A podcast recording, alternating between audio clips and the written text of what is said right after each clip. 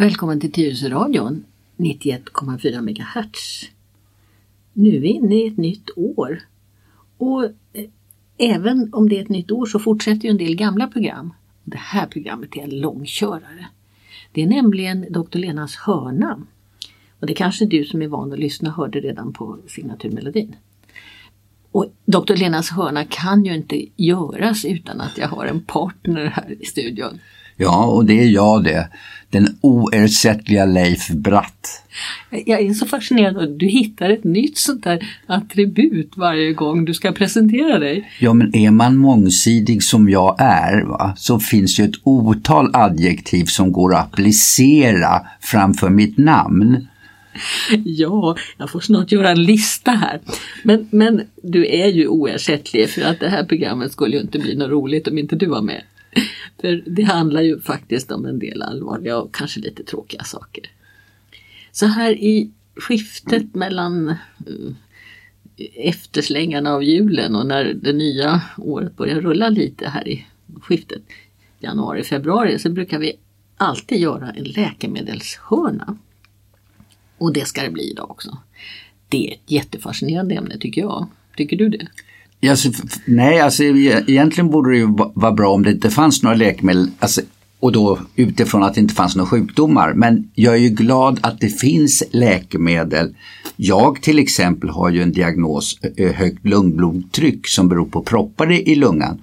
Och det finns det medicin för och det är jag ju väldigt tacksam för. Ja, för du har överlevt. Det skulle du inte ha gjort annars, får jag vara så hård och krass. Men det var faktiskt så att man dog eh, förut innan de här medicinerna fanns. Ja, eh, och, och, nu apropå då vara rolig och sådär. Eh, när, när de då undersökte mig, jag bodde i Österrike då, ja, då, då stötte jag ihop med en dam, en annan patient som gick och hon undrade över min åkomma. Och jag förklarade och tittade hon lite medlidsam på mig och så sa hon, ja, ett och ett halvt år kvar. Mm. Alltså det var, det var prognosen på 90-talet. Mm. Ett och ett halvt års överlevnadstid. Eh, nu har jag gått med det här snart i tio år. Du lever på bonus hörru. Ja. Ja visst. Ja. Tack vare medicin. Ja. Mm. ja. Så här då, att, att vi lägger den här läkemedelshörnan just nu, det beror på då någonting som kallas för kloka listan och det har jag pratat om tidigare år också för jag tycker det är viktigt att alla som lyssnar på de här programmen också får höra hur man tänker och resonerar ska vi säga, bakom kulisserna när det gäller mediciner. Och, och behandlingar också. Och behandlingar. Den här kloka listan den sätts samman och går, trycks upp och så går den ut till alla doktorer i regionen, alltså Stockholms läns landsting. Och även de privata doktorerna är tvungna att följa den här listan. Eh, det står i avtalen, man får inte hålla på och skriva ut läkemedel som inte är med på krokarlistan om man inte har väldigt speciella skäl till det. Och samtidigt som årets kloka lista presenteras så sätter man också samman årets kloka råd och de brukar vara tio stycken. Och de har Leif och jag på varsitt papper här framför oss. Bara betona, jag uppfattar som du sa, alla läkare i Stockholm, är det inte hela landet? Nej, det finns kloka listor för varje region. Sen finns det en övergripande, de som är ordförande i läkemedelskommittéerna i varje region, de träffas och de samkör de här listorna. Men så länge vi har olika regioner som har olika portmonnäer beroende på hur mycket skattebetalare det finns i regionen så kan de här listorna se lite olika ut. Så det är inte någon nationell lista utan bor man i Malmö så kanske man kan få en medicin som inte är tillåten i Stockholm till exempel. Men då skulle man ju kunna vända på det och säga att den som nu har en, om jag får säga så, allvarlig diagnos, den borde kolla upp de olika regionala kloka listorna och sen flytta dit där de får en adekvat behandling. Det ja. låter ju jättekonstigt för mig som är amatör. Ja, be behandlingen ska vara lika men sen är det alltid lite hur man värderar ett läkemedel och eh, ibland finns det också sådana här traditioner jag vet inte om du kommer ihåg det gamla talesättet om Jena och Heidelberg men till exempel Uppsala och Lund har haft olika behandlingstraditioner. Men det här håller ju på att jämnas ut och det beror på att staten har faktiskt en ganska hård styrning. Först och främst har vi en lag om läkemedelsförmåner, alltså vilka läkemedel får vi rabatt på och vilka får vi inte rabatt på. Och sen har vi ett statligt verk som heter TLV, Tandvårds och läkemedelsförmånsverket. Det är ju så långt att säga så det är klart man förkortar det till TLV. Men TLV bestämmer hela tiden vilka läkemedel som får vara med i förmånen eller inte. Och sen kan de olika läkemedelsföretagen själva också ha olika intresse av att gå in i förmånen eller inte. Och det här rör på sig lite varje år så det, det ändras egentligen årligen. Och då kan det bli så att har man haft en medicin väldigt länge så plötsligt så är den inte rabatterad längre. Kanske.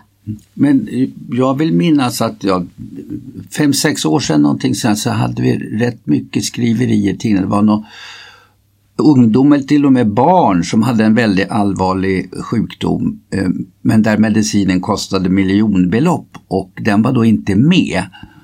Och då blev ju den här unga människan utan medicin. Mm. Det finns några sådana här enstaka väldigt sällsynta sjukdomar där medicinerna är väldigt dyra. Men det där brukar man nog ändå försöka lösa genom olika undantag. Men, men det finns situationer när eh, en behandling inte ges i Sverige och då finns det människor som söker sig till andra länder för att försöka få tag på den medicinen.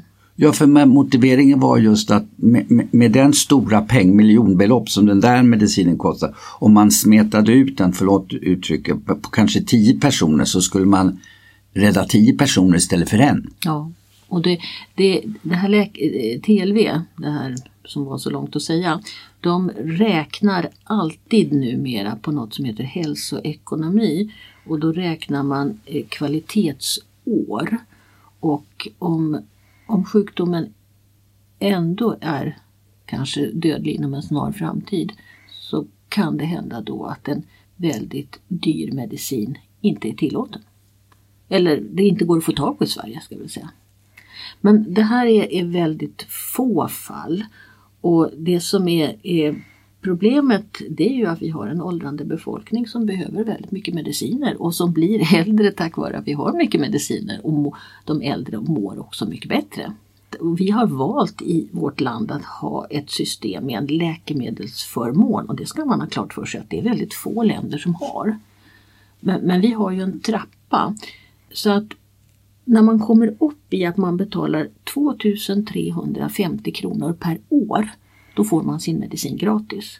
Men man får först betala de 2300? Ja, fast det är i trappa då. Så det första steget som alla får betala det ligger på 1750 tror jag det här regleras lite olika år men någonstans där 1700. Och när man har passerat den gränsen då får man olika mycket rabatt för olika trappsteg. Så först så får man 50% rabatt och sen får man 25% rabatt och så småningom när man är uppe i 2350 då har man 100 rabatt så att säga. Då behöver man inte betala för sin medicin. Sen finns det vissa mediciner som är helt gratis från början. Till exempel insulin är ju ett sådant exempel. Då. Och sen har vi en del hjälpmedel som också är gratis. För om vi håller oss till insulinet nu då så är det teststickor och eh, eh för, för de som har en påse på mage så är det allting som hör till det. Påsar och det man behandlar med och hur man byter och plattor och sånt. Men när du pratar insulin, det finns något som heter insulinpump. Alltså man... Ja, och de har nu på senaste åren jag, jag tänkte på kostnad. Sådär. Ja, de har kommit in i förmånen nu på senaste åren. Till att börja med när de var nya, då, fick man, då ingick de inte i förmånen, men nu gör de det. Ja. Och barn har ju gratis läkemedel också. Det här med läkemedel det kostar väldigt mycket för samhället och därför så har man ju då en, en sån här styrning och eh, alla regioner i Sverige hör ju ihop i det här som heter numera SKR. Det hette SKL förut. Sveriges kommuner och regioner. Vi har ju döpt om våra landsting till regioner. Och SKR då, de följer det här månad för månad och det gör man också på de i regionsvis. Så i Stockholm så finns det en särskild läkemedelsenhet där man också har full koll på läkemedelskostnaderna månad för månad. Och det redovisas öppet. Det kan man gå in på SKRs sida och titta på och man kan gå in på landstinget i, eller regionen här i Stockholm och se vad läkemedlen kostar i Sverige. Men alltså, jag har hört eh, att eh, alltså på 20 år, under det här millenniet, mm, ja, ja. från 2000-talets början ungefär, ja. så är det dubbelt så mycket idag. Ja, ja, oh, Un, ungefär. Ungefär. Och det... vad, vad beror det alltså varför? Har, det har gjorts väldigt stora genombrott framförallt inom cancermedicineringen. Eh, och även i början på 2000-talet så kom också väldigt mycket nya medel som baserar sig på det här med antikroppar vid reumato, eh, reumatologiska sjukdomar. Och de börjar man ju mer och mer använda på, jag ska inte säga alla möjliga, men väldigt många olika sjukdomar som kanske inte är eh, reumatologiska men de har att göra med vårt sätt att försvara oss mot sjukdomar. Och det pågår ju en, en, hela tiden en utveckling av läkemedel men det finns en väldig kritik mot att de läkemedel som läkemedelsföretagen tar fram kanske inte är det som gynnar de, de allra mest, flesta människorna mest utan det är ofta särläkemedel som gynnar en liten grupp. Och då är ju frågan liksom hur mycket ska den lilla gruppen få ta av våra gemensamma skattepengar för den stora gruppens behov. Det finns till exempel just nu inte så många bra smärtlindrande medel för äldre personer. Och eh, vi har, väntar ju på att vi ska få lite bättre antibiotika för vi har en ständig kamp emot att våra antibiotika inte längre biter. Så det här är stora frågor. Men, men... Och sen dyker det upp sådana här nya eh, virus. ja visst, som, som nu det här coronaviruset som vi inte har något läkemedel mot alls just nu. Får jag fråga dig, har du någon kunskap om det här? Man ser ju då från Kina bilder och man går med munskydd. Eh, det, det, på text-tv stod det där att det, det, den är inte speciellt effektivt. Har du någon uppfattning? Nej, munskydd är ju för att hindra att en sjuk människa sprider. Det är ju ingenting som skyddar. Bara namnet ger ju en felaktig association. Det skyddar ju inte andra människor från att eh, det man andas in om det inte är så att man till exempel då bor tillsammans med en som är, är sjuk. Men, men eh, just så här i början på den här epidemin så vet man ju inte hur det sprids riktigt och man börjar ju förstå att det är mer smittsamt än vad man trodde från början. Så det här får vi nog avvakta och se hur det utvecklas. Ja, men så, eftersom munskydden börjar ta slut, det har jag också sett på text-tv, så, så det, det är inte speciellt eh, skyddande. Jag tror att det är minst lika viktigt att, att eh, tvätta sig om händerna och vara uppmärksam på om någon är sjuk i ens omgivning. Men Leif, jag tror vi måste återgå nu till de här eh, kloka råden. Det är några av dem på den här listan som är helt nya och som kan göra att när man kommer till sin vårdcentral så blir man lite förvånad när doktorn säger att nu ska vi göra på det här sättet. För några år sedan så handlade det om öronbarn som inte till varje pris skulle ha antibiotika.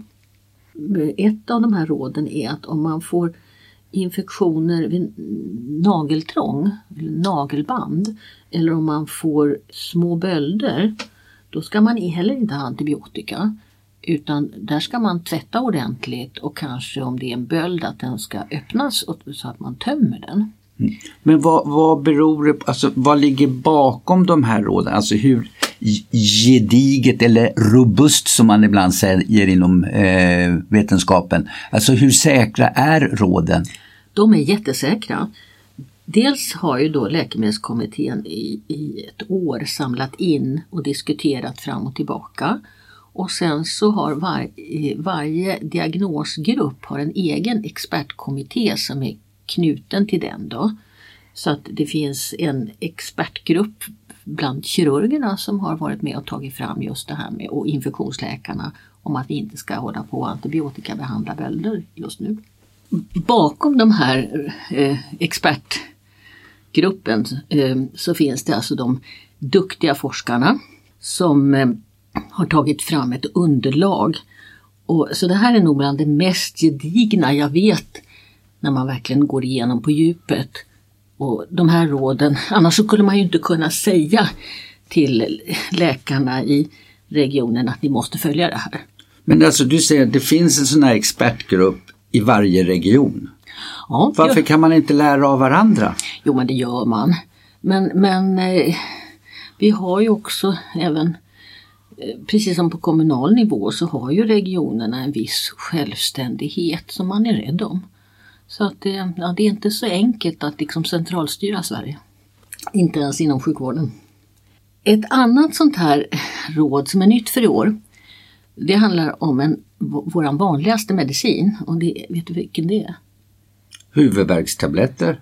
Nej, eh, faktiskt magkatarr. Och det kan man köpa både receptfritt och sen så om man har lite mera besvär och behöver ha det på recept. Och det är Eh, ett av de medlen som ligger högst upp i listan och det heter numera Omeprazol. Eh, det var ju gamla, eh, gamla Losec som Sverige gjorde en förmögenhet på. Och det har ju funnits nu då i 25 år, 30 år nästan. Och det är klart att läkemedelsföretagen har ju då försökt att förfina det läkemedlet och göra det, hitta på ett syskon som skulle vara lite effektivare. Och då blev det så att under många år så hette det då Esomeprazol. Och nu har man sagt att Omeprazol börjar inte på E utan det börjar på O. Därför att det är ingen fördel att använda det som är lite dyrare. Nu vet man, man har använt det här så, så länge och man har så jättestora material man jämför så att man vet att det är ingen fördel att använda det nyare. Men alltså finns det då läkare som fortsätter Ja. Är det inte bara att tala om att det inte ingår i eh, läkemedelsförmånen? Jo, det ingår i förmånen men det är inte rekommenderat på kloka listan. Nej, jag bara menar för att slippa få då mm. folk som av något skäl skriver ut, kanske inte läser kloka listan. Nej, och sen så kanske man förnyar ett recept med automatik. Man klickar i en ruta och så klickar man en gång till på ja. datorn. Och då är det lätt gjort att det blir att man inte hänger med i de här ändringarna riktigt. Men då är det faktiskt så att, att doktorn på vårdcentralen får hela tiden eh, feedback. De får se, man får se sin egen förskrivning. Och är det så att man avviker från klokalistan då blir man kallad till chefen och så får man ett påpekande om att du skriver inte enligt klokalistan och så får man försvara det på det sätt man kan. Eh, jag tänker på en annan sak då när du säger att läkare kan göra lite olika. Eh, Eh, vi pratar om de här läkemedelsförmånen kostar rätt mycket i regionen. Eh, ja, det har dubblats på 20 år. Eh, är det någon skillnad mellan eh, eh, ja, jag säger landstingsläkare eller regionläkare och privatläkare? Alltså, ibland hör jag ju det här att jag har skrivit mig hos en privatläkare för de är mycket snällare, där får jag de mediciner jag vill ha. Är det bara en myt eller finns det, det någonting i det? Alltså de har samma kontroll från myndigheterna på eh, följsamhet till klokalistan som andra. Det är ju en av de här parametrarna som man granskar alla vårdcentraler på. Hur, och alla privatläkare? Alla privatläkare okay. också.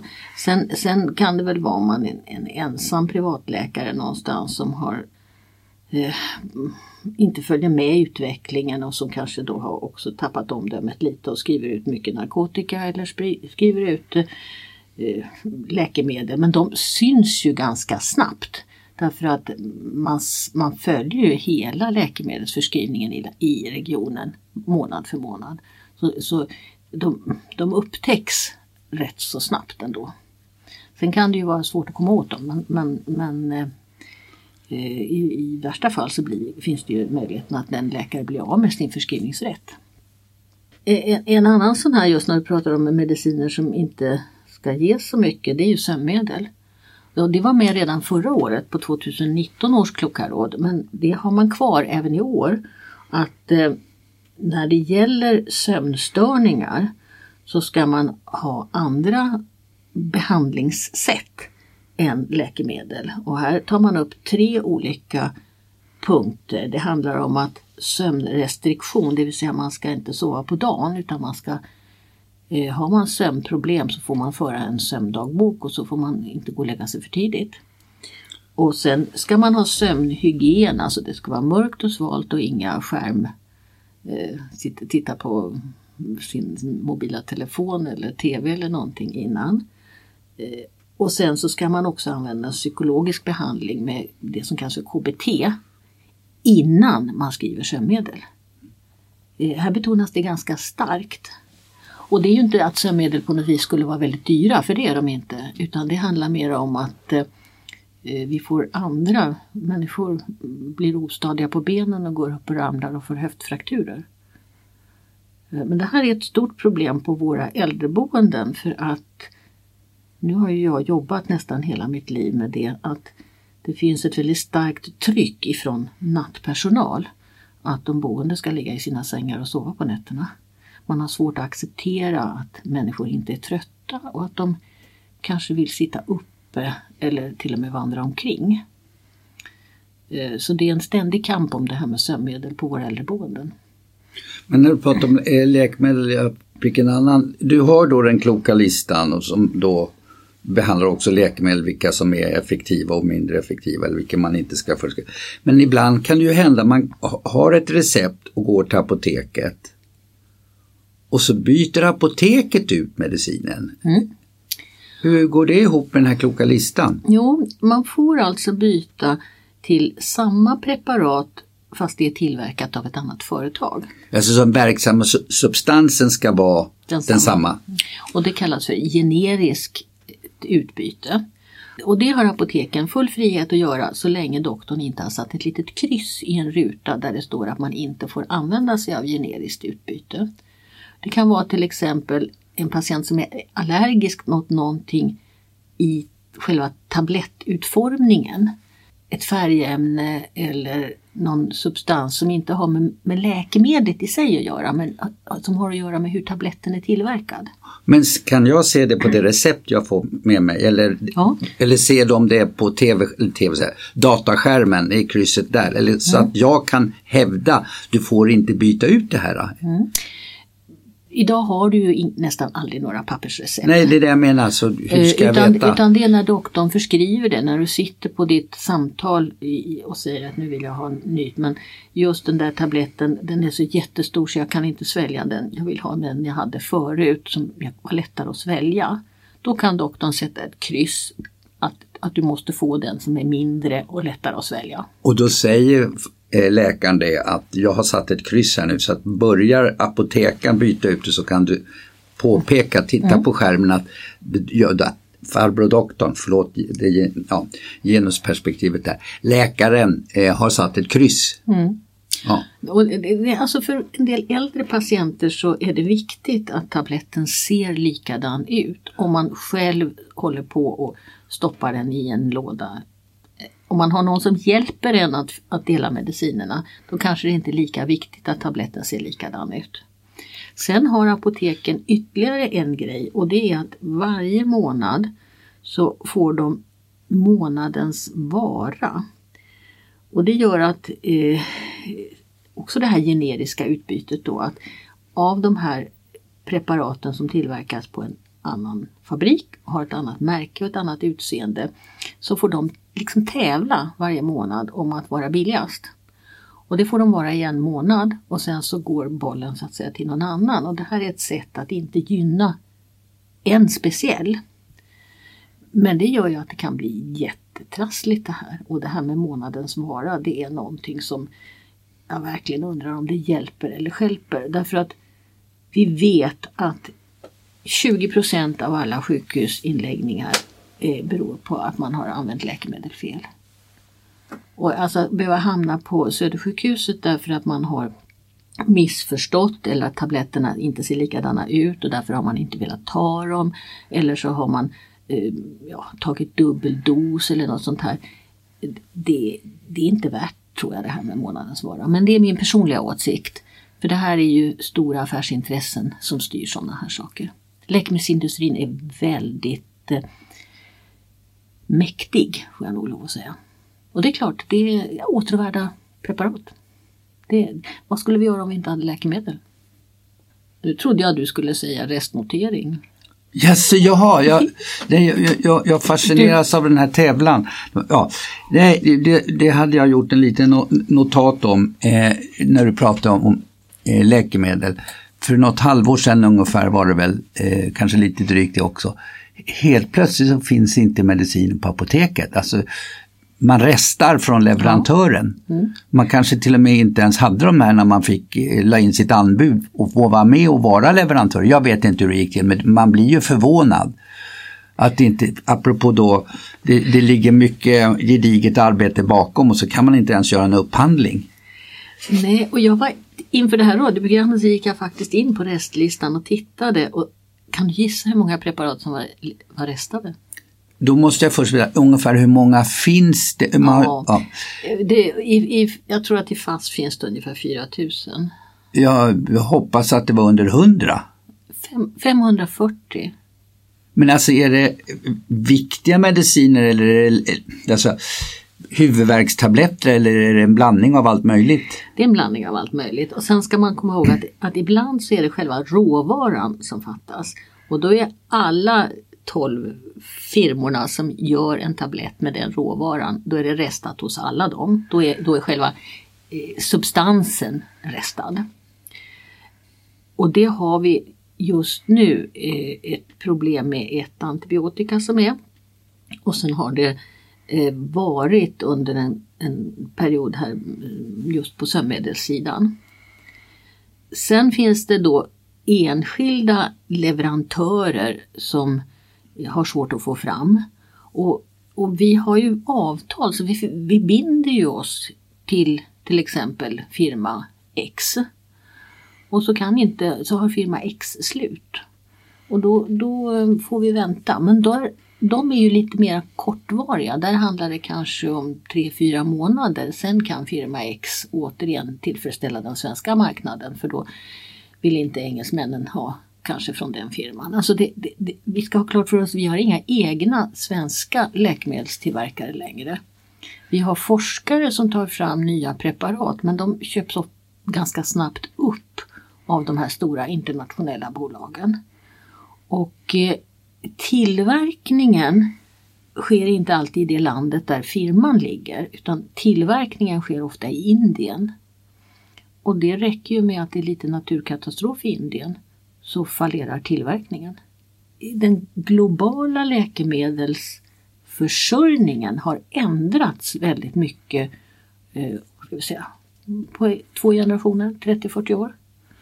Eh, så att det är inte alls lika självklart att apoteket har de här preparaten, varken i lager eller kan få fram dem. Men när man gör då en sån här upphandling, kan man inte införa någon klausul om det är böter om du inte kan eh, alltså, leverera? Alltså, leveranssäkerhet när det gäller läkemedel måste vara livsviktigt. Ja, jag vet inte hur avtalen riktigt ser ut men jag menar är det slut på kan man inte få fram råvaran så kan man inte. Nej men det är ungefär, nu kanske jämförelsen haltar men vi har ju haft det här med, ja inte numera för nu är det ju så varmt, men när vi hade snö eh, så blev det ju tågförseningar och, och så. Ja. I Schweiz så har man enorma böter för förseningar och då ser ju tågbolagen till att vara i tid för att slippa de här ordentliga böterna.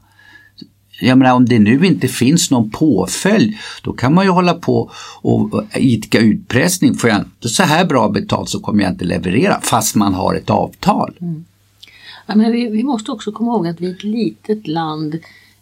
Det, det är en global marknad och när andra länder växer sig starkare då, då kanske då vår andel av den här marknaden inte är lika självklar. Och det, man kan ju alltid fundera över, borde vi sätta igång en viss eh, läkemedelstillverkning, åtminstone av de viktigaste läkemedlen av e, egen, i eget igen? Vi köper ju det mesta insulinet från Danmark och eh, eh vi får väl hoppas att vi har fredliga förhållanden till Danmark. ja, eh, ska vi hinna med ett litet råd till här? Jag har pratat om det här med bölder och att mag, magkatarrsmediciner och sen så sömnmediciner. Det som har skrivits en hel del om i tidningarna det är den stora överförskrivningen i USA av det som kallas för opioider. Och det är ju alltså morfinliknande preparat, preparat vid svår smärta. Och eftersom man har tagit bort de andra medicinerna som man använde tidigare eh, för svår smärta så har vi inte så mycket mer att välja på nu. Men här är ett råd att eh, man ska vara noga med att, som doktor då, att bara förskriva korta kurer när det gäller akut smärta. Till exempel eh, i samband med en operation eller i samband med, med att man har skadat sig eller i samband med kanske mm, tandutdragning eller någonting sånt här. Så säger man nu att eh, man ska avsluta inom fem dagar. Tre till fem dagar. Och det är nog så att de som har genomgått en operation kanske får ett recept som räcker en månad. Eh, har man brutit ben så kanske man också får recept som, som räcker betydligt längre än fem dagar. Och det här kommer nog bli lite knepigt både för patienter och doktor. Eh, men samtidigt så menar ju då den här gruppen som har undersökt det här att är det en akut smärta så räcker det med 3 till 5 dagars behandling. Och det här är ju ett sätt då att vi ska hålla eh, mängden av den här typen av starka mediciner nere så att vi inte ska hamna i det här träsket som man har hamnat i i USA. Och där har ju den, det stora företaget fått eh, väldigt kraftiga böter i, i USA. Där har man alltså fått eh, stora skadestånd. Så att eh, både när det gäller sin marknadsföring och eh, när det gäller eh, människolidande. Så att, att det här kommer det, det, här tror jag kommer att märkas och jag, jag, jag, hoppas att det kommer att bli bra. Man får väl kanske gå till doktorn och, och få sitt recept förnyat. Men, men eh, jag ser en viss problematik kring det kloka rådet. Mm. när du säger då kloka rådet och det är mycket information eh, just nu. Kan man som lekman eh, hitta det här själv på nätet om man nu inte hann med och det finns ju fler råd än vad du har hunnit ta upp här nu. Kan jag komma över den här listan, kloka listan som lekman? Ja, då. Oh, ja. Det finns då en sajt som heter Janusinfo och det är eh, regionen, Stockholmsregionens eh, läkemedelslista. Och där finns det två flikar om man är i, arbetar inom vården eller om man är allmänhet. Och klickar man där på allmänheten så just det som handlar om kloka listan och kloka råden det är lika för bägge. Där, där är inga, det är lite enklare skrivet kanske, det är lite mer lättbegripligt men där hittar man allt om årets eh, klokalista. Och det hette Januslistan? Nej, Janus Info. Janus Info. I ett ord och det räcker med att skriva in Janus Info så kommer man till den sidan. Man behöver inte ha någon nå mera eh, punkt eller slashstreck eller någonting. Nej. Janus Info i ett ord. Sen så är ju naturligtvis 1177 en guldgruva. Där är det lite svårare att hitta avsnitten om läkemedlen men när man väl hittar dem är de jättebra. Men där börjar man med att gå in på något som heter behandling och hjälpmedel. Och under den fliken så finns det en ny flik som heter behandling med läkemedel. Och under den fliken så finns det ytterligare en flik som heter att få recept. Och sen finns det ytterligare en där det handlar om vad kostar läkemedel eller det finns många undergrupper där. Men där får man liksom gräva sig ner nivå för nivå. Och den tycker jag, jag tycker annars 1177 är så jättebra. Men den är lite svårare att hitta. Men där står alltihopa det här om hur mycket medicin får jag köpa i, varje, i taget och hur är den här eh, trappan, de olika nivåerna. När måste jag betala fullt pris och när får jag min medicin på högkostnadsskydd. Och var, det här med vem bestämmer vilket läkemedel som ska ha förmån eller inte. Man kan alltid skriva in, det finns en liten allmän sökruta på 1177. Och där kan man ju då skriva in läkemedel, recept, eh, kostnader och, och sådana ord. Och då hamnar, kommer man så småningom ner. Men Annars brukar jag tycka 1177 är så lätt att hitta i men här hade till och med jag lite svårt att få fram den information som jag ville ha. Sen kan man ju alltid fråga på apoteket. För apotekarna, det, där är de ju jätteduktiga. Och de har också full koll på hur långt har man kvar innan man är uppe i sitt högkostnadsskydd. De kan också säga då att, att den här medicinen är precis samma sak som den här medicinen. Och, men vill du ha den dyrare varianten av något slag, då får du betala så så många kronor mera. Nu brukar inte det vara så mycket dyrare att få till exempel den avlånga tabletten istället för den runda. Om man nu vill ha, även om doktorn inte har satt kryss i rutan. Men ska man vara på den säkra sidan, då ska man be att doktorn markerar just. Får jag fråga dig då om du har någon uppfattning om eh, framtiden? Det tas fram nya läkemedel. Jag vet inte om de blir billigare eller det är väl också att göra med om patent går ut och så. Här. Men hur, alltså, vad är den framtida utvecklingen? Hur länge har vi råd med den här läkemedelsförmånen? Har du någon uppfattning? Nej, men jag tror att de allra flesta svenskar är väldigt tacksamma över att vi har subventionerade läkemedel. Jag tror inte att det är något politiskt parti som skulle våga gå emot att vi, att vi inte skulle ha råd med läkemedel. Men det gör ju också då att vi alla solidariskt måste hjälpas åt att följa de här kloka råden och att vi måste vara intresserade av den här kloka listan och att, att eh, den, man accepterar den här ska säga, centralstyrningen då uppifrån att man inte får skriva saker för, utanför den.